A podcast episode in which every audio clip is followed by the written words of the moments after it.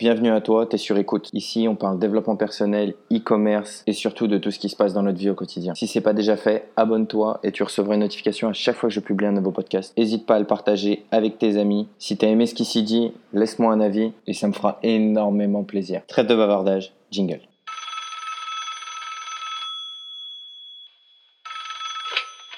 Allô, c'est toi? Quitte pas, t'es sur écoute. Maybe you should pull the fucking trigger. Nobody gonna do for you. Pull the trigger. Tu dois désapprendre tout ce que tu as appris. Bonjour à toi mon ami. Alors, je cherchais un son de bouquin et tu peux t'imaginer à quel point c'est compliqué de trouver ce genre de choses. Et donc, bah, le meilleur euh, bouquin au monde, je pense que c'est Maître Yoda. C'est fou quand même si tu veux trouver des signes d'apprentissage ou de l'inspiration, tu peux trouver ça n'importe où. Genre Maître Yoda, c'est quand même une source d'inspiration assez fabuleuse. Le mec est bourré de phrases et de, et de savoir. C'est- fou. Si tu écoutes Maître Yoda, là, donc pour trouver ce son, il y avait 15 minutes de phrases, de 10 leçons du succès via Maître Yoda. Maître Yoda, c'est c'est le maître de tout le monde. Le mec, c'est un peu comme une encyclopédie. Je sais pas, tu regardes, tu regardes Star Wars. Je sais pas si tu as regardé Star Wars, mais bon, quand même. Bref, toujours est-il que tu peux trouver une source d'inspiration partout. Et je trouve que cette phrase, c'est vraiment sympa. Tu dois désapprendre tout ce que tu as appris. J'ai envie de parler un peu de l'école, ou pas, de l'école, mais du système scolaire français, ou la façon d'apprendre en France. Alors attention, on va toucher une corde sensible. Tout le monde pense différemment sur ce sujet. J'ai une opinion, tu peux avoir la tienne.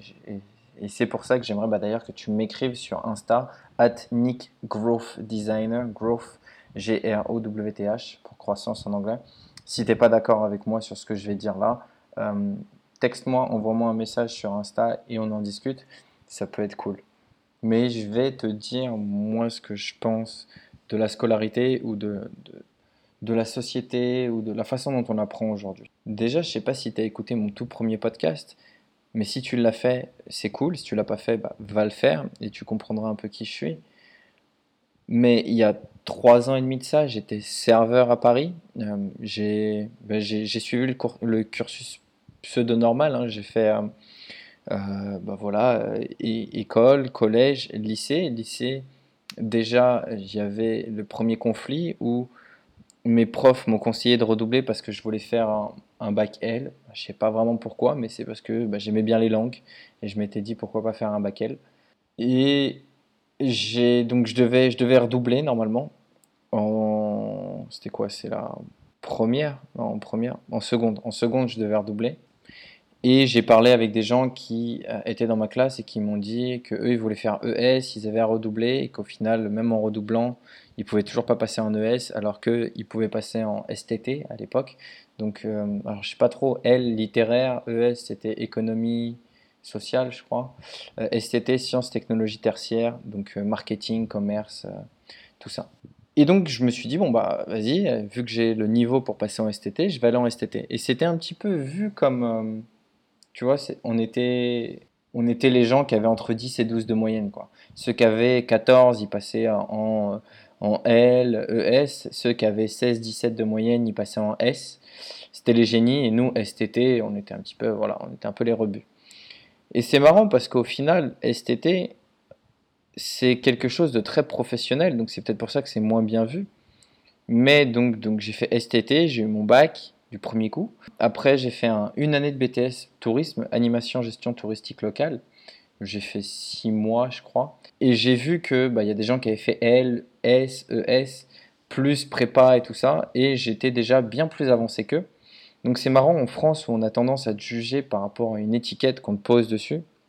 Bah, j'ai fait un podcast sur les chiffres d'ailleurs, ça, ça peut, enfin, je sais pas si tu l'as écouté, euh, mais c'est- à peu près la même chose. On te juge par rapport à des chiffres, bah là on te juge par rapport à une étiquette où tu fais STT, donc forcément tu es un peu moins intelligent ou tu es un peu moins capable quoi. Sauf que quand en BTS les gars de S et ES et L sont arrivés, bah, ils avaient aucune notion de marketing, de commerce, de gestion, euh, tous ces trucs là que moi j'avais appris. Donc j'avais beaucoup plus d'avance sur eux et je me suis dit, allez, j'ai bien fait de pas redoubler. Voilà. Petite vengeance perso. En soi, ça m'a pas intéressé du tout. Moi, ce que je recherchais, c'était quelque chose qui, correspondait à voyager, à parler à des gens. Parce qu'on vivait dans une société où j'ai 32 ans, hein, donc je suis né en 86. Et donc on était dans les années 2003, 2005 par là.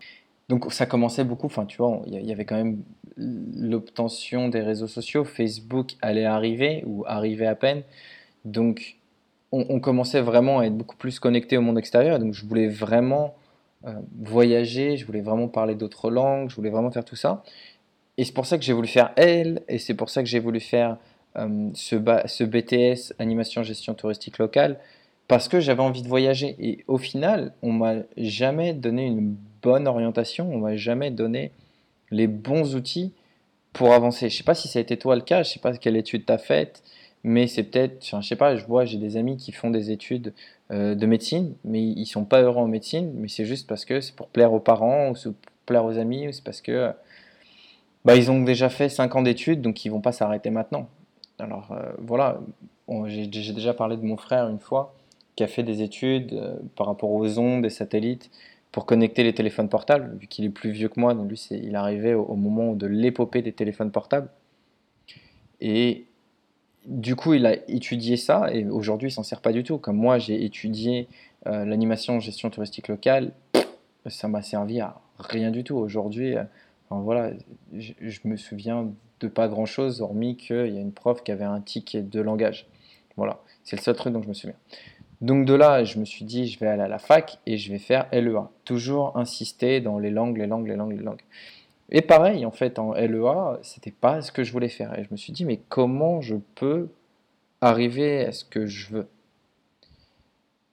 Et bah, je me suis lancé dans la restauration parce que c'était le seul truc qui s'ouvrait à moi où je pouvais voyager, rencontrer du monde et tout. Et donc, bah, c'était cool. J'ai, parti à Londres deux ans et demi. J'ai travaillé dans un restaurant. J'étais d'abord commis et puis après serveur et après j'étais euh, maître d'hôtel. Enfin, je, gérais, euh, je gérais le, le floor, je sais pas comment on dit en français. Mais c'est moi qui étais le, le serveur le plus expérimenté. Puis après, j'étais barman et j'étais manager de salle, entre guillemets. Donc j'ai très vite évolué. À Londres, on évolue très très vite. Alors attention, j'ai évolué, mais pas, pas mon salaire. Et puis il y a eu la crise de 2008 avec le crash boursier et Londres a été beaucoup touché. Donc vu que c'était un truc euh, qui touchait une clientèle assez riche, bah, ils avaient plus les moyens de s'offrir de venir à mon resto. Et mon resto a fait faillite depuis, je crois. Mon resto, c'était pas le mien d'ailleurs.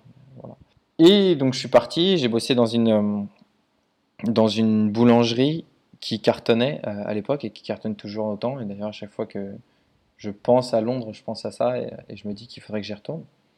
Et pareil, j'ai beaucoup évolué, j'étais assistant manager de zone et tout, donc c'était vachement cool, j'avais vachement d'ambition. Mais je savais pas pourquoi en fait, c'était juste parce que je voyais plein de gens bosser autour de moi et je me suis dit, bah, il faut que je bosse aussi. Donc je gagnais une misère, mais je bossais énormément, j'avais les dents longues. Et puis, 23 ans, je suis rentré en France, j'ai commencé à bosser avec mon frère donc, qui couvrait des restaurants pleins de sushi. Euh, C'est une chaîne de sushi euh, concurrent à Sushi Shop. C'est en train de faire faillite aussi d'ailleurs.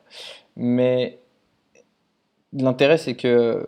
Pourquoi je te dis ça C'est que je suis rentré et je ne savais pas quoi faire. Donc je suis rentré et je me suis dit, bah, j'en ai marre de bosser énormément, d'avoir de l'ambition de fou et de pas être rémunéré en fait euh, en conséquence. Et ça arrive souvent, je sais pas si toi c'est le cas, mais tu fais, tu fais beaucoup plus de, de travail que ce qu'on te demande et t'aimerais qu'on te, au moins qu'on te félicite, qu'on te remercie et au final on va juste te donner beaucoup plus de taf et tu vas pas évoluer en conséquence. Donc après tu as moins envie d'en faire et tout simplement parce que t'es pas dans un travail qui t'épanouit. Tu fais ça parce que tu as envie de faire partie d'une société, tu as envie de faire partie euh, d'un groupe, comme on, on parlait la dernière fois de la pyramide de Maslow, on a besoin de, de certitude, d'incertitude et de besoin d'appartenance. Donc là, on est vraiment dans le besoin d'appartenance et dans la certitude quand tu as un taf.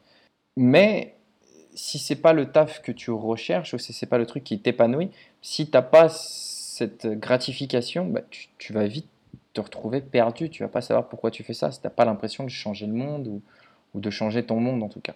Alors c'est une longue intro au final, on n'a pas encore commencé le sujet, mais euh, je pense que c'est important. De là, euh, j'ai décidé d'arrêter de bosser un petit peu donc de façon ambitieuse et j'ai bossé pour l'argent, pour pouvoir faire des trucs qui m'intéressaient. Donc j'ai commencé à faire du backpacking, euh, donc voyager sac à dos. Euh, j'ai habité en Argentine pendant trois mois avec mon meilleur ami. J'ai habité en Australie pendant presque un an. J'ai fait un tour d'Asie pendant trois mois. Puis après, je suis reparti en Asie pendant neuf mois. Puis après, je suis reparti ici. Là, là, là.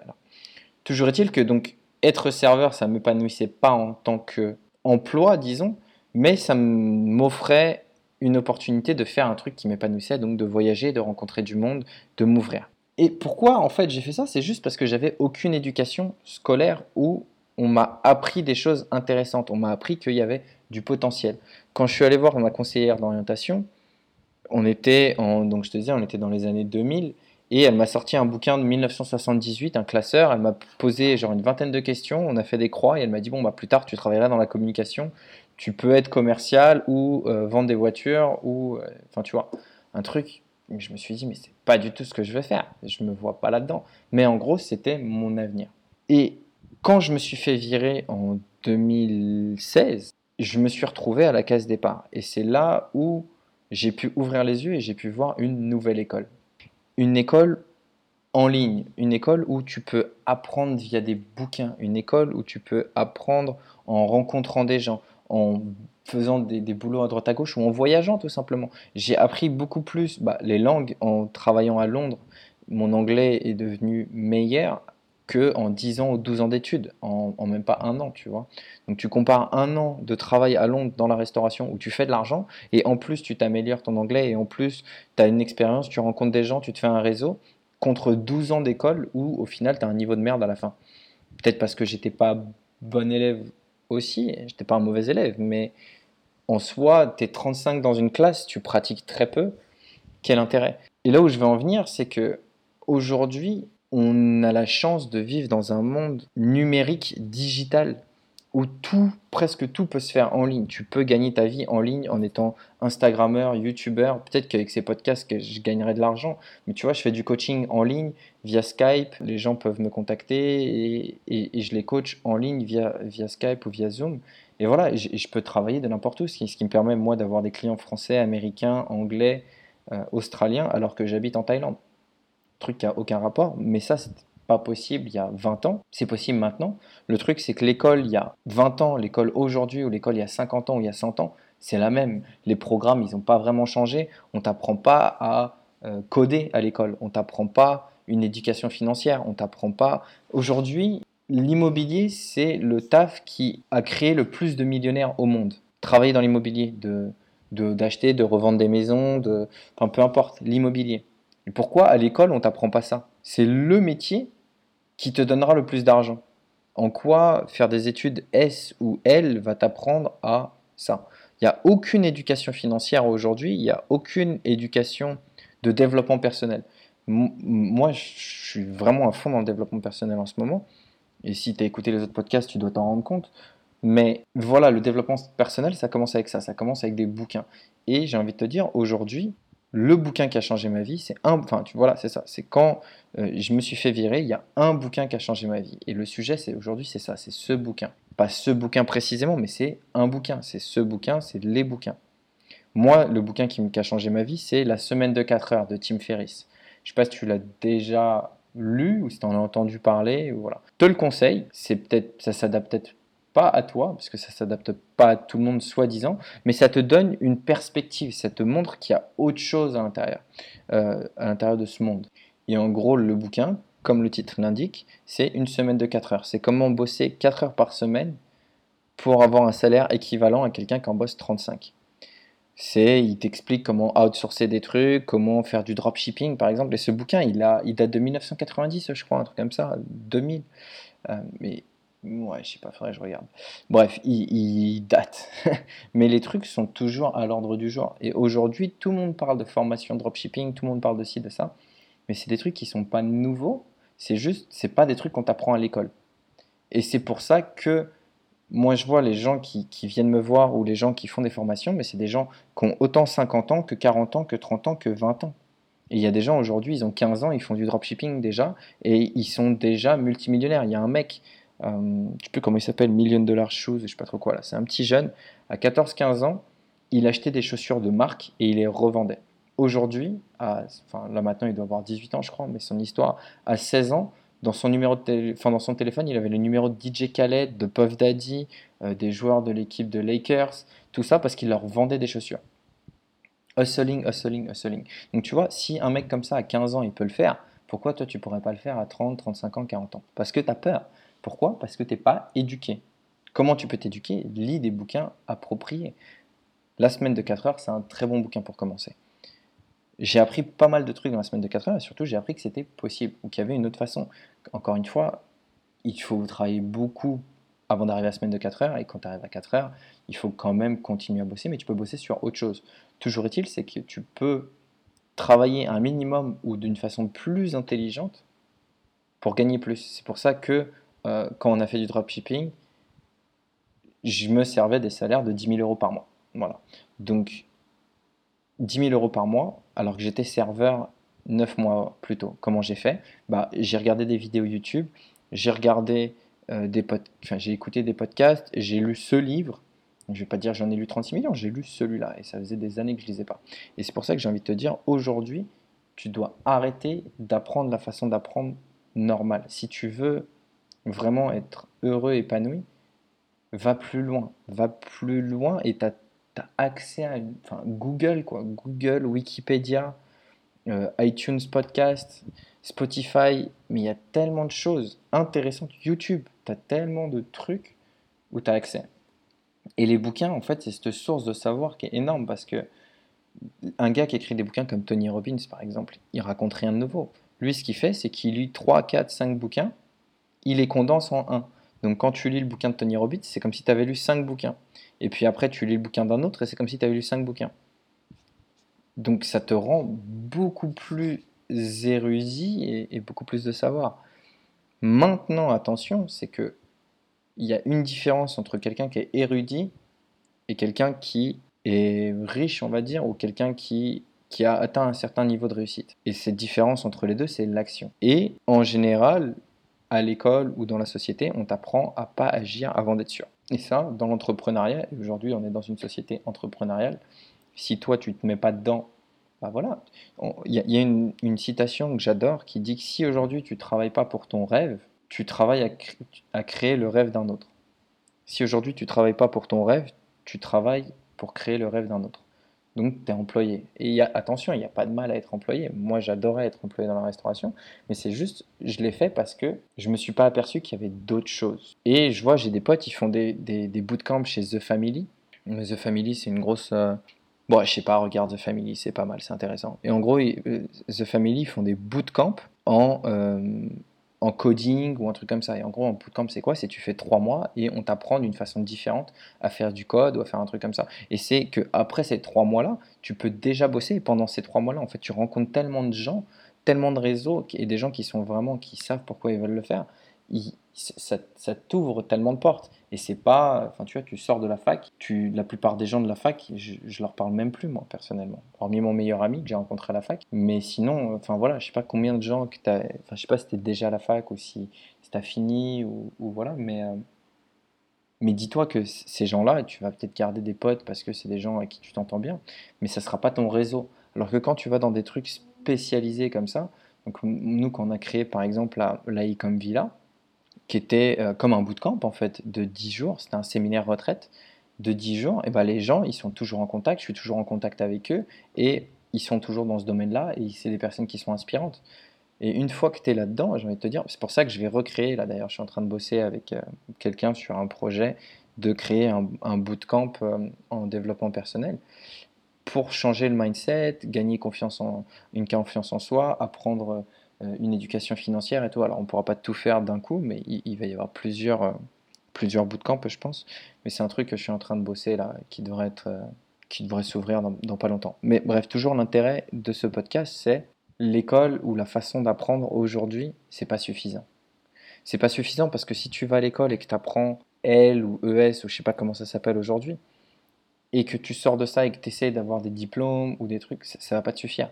Par contre, un mec euh, je sais pas si tu es en L et c'est parce que tu veux être interprète, bah, un mec qui est déjà qui est né et qui parle, qui est né, qui parle par exemple mon meilleur ami, il est né, il parlait français et russe à la maison.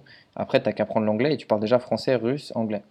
Donc toi, pour apprendre le russe, avant que tu apprennes le russe, si t'es pas né en tant que russe, bah imagine, il, va falloir que quoi T'es 20 ans, 21 ans pour commencer à vraiment avoir un bon niveau. Lui, à 15 ans, il, te, il te mettait la ramasse. Ça veut dire qu'à à 20 ans, lui, bah, il peut commencer à apprendre l'arabe et le chinois.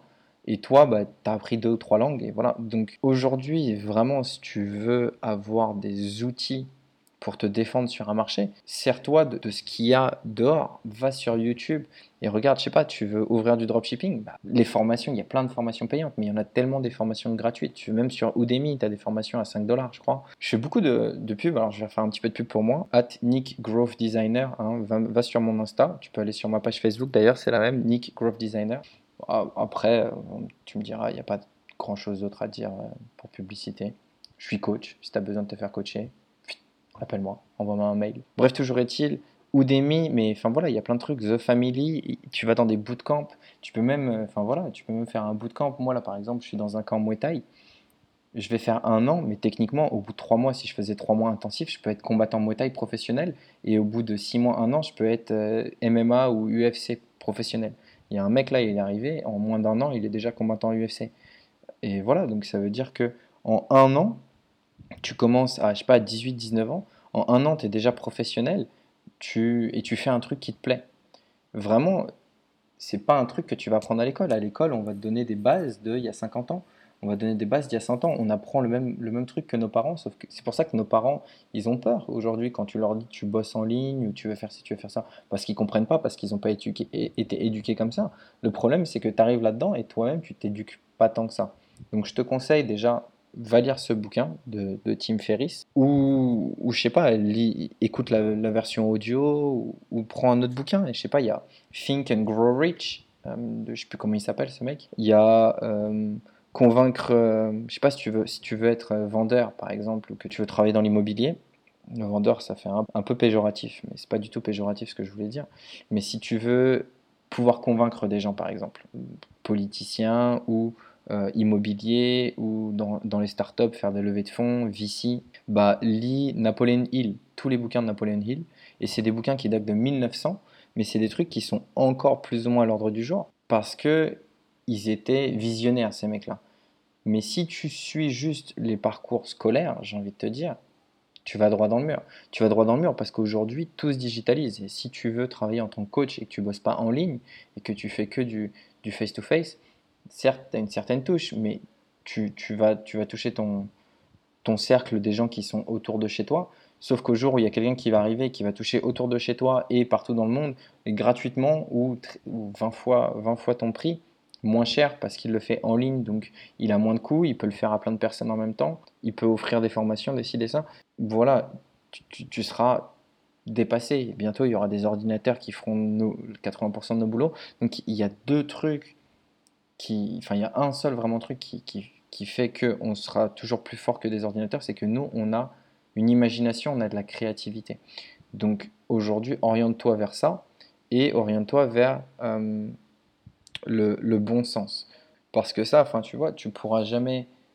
Par, je m'en suis aperçu quand, quand, je cherche du boulot à l'étranger, c'est que euh, j'ai un savoir-faire, j'ai du bon sens et j'ai de la créativité, ce qui fait que bah, c'est pour ça que moi je peux bosser en Australie ou en Argentine ou en Thaïlande, contrairement à un Thaï, et je peux dire, ou euh, contrairement à un Australien ou contrairement à un Argentin, parce que j'apporte un savoir-faire qu'il n'a pas. Parce que j'ai voyagé dans presque une trentaine de pays, parce que euh, j'ai des certifications ainsi et ça, parce que j'ai créé un site e-commerce et j'ai fait un demi-million d'euros en même pas cinq mois, tu vois. Et, et donc c'est pas c'est pas facile, attention, mais c'est pas si compliqué. Tout ce qu'il faut, c'est s'ouvrir. Et aujourd'hui, tu as la chance d'avoir Google, Wikipédia, YouTube, tous ces trucs-là, qui pourraient te servir à tellement de choses intéressantes et que malheureusement, tu passes à côté. Et c'est pour ça qu'aujourd'hui, bah, si tu travailles pas pour ton rêve, tu travailles pour le rêve d'un autre. Donc je te conseille vraiment ce bouquin si tu n'es pas déjà lancé dans de l'entrepreneuriat ou de l'e-commerce ou, ou, ou je sais pas, ou, que tu es dans un boulot, enfin si tu es dans une routine métro boulot dodo et que tu sais pas comment t'en sortir, dis-toi qu'il y a des gens qui l'ont fait avant toi. va, va lire ce, bouquin. Il y a aussi un blog de la semaine de 4 heures. Alors, je sais pas si c'est pas en anglais pour le coup le blog, mais vas-y et inspire-toi d'autres gens. Écoute des podcasts, regarde des vidéos YouTube. Euh, si tu es déjà là-dedans, si tu as déjà lu Think and Grow Rich ou si tu as déjà lu euh, The Millionaire Fastlane et La semaine de 4 heures, tu peux continuer à lire autant que tu veux. Maintenant, est-ce que tu mets en pratique? Parce que j'ai des potes, ils lisent des bouquins, un bouquin par semaine.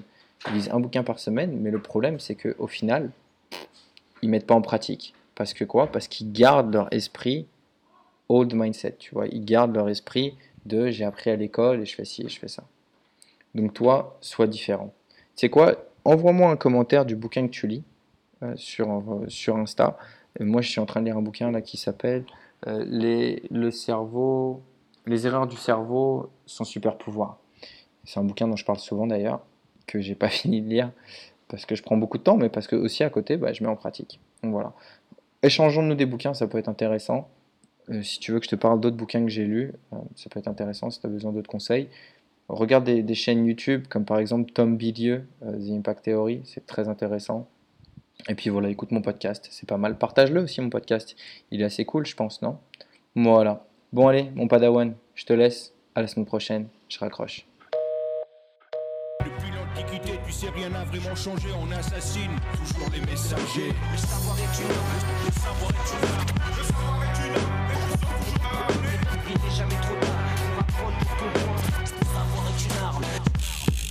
Maintenant je sais.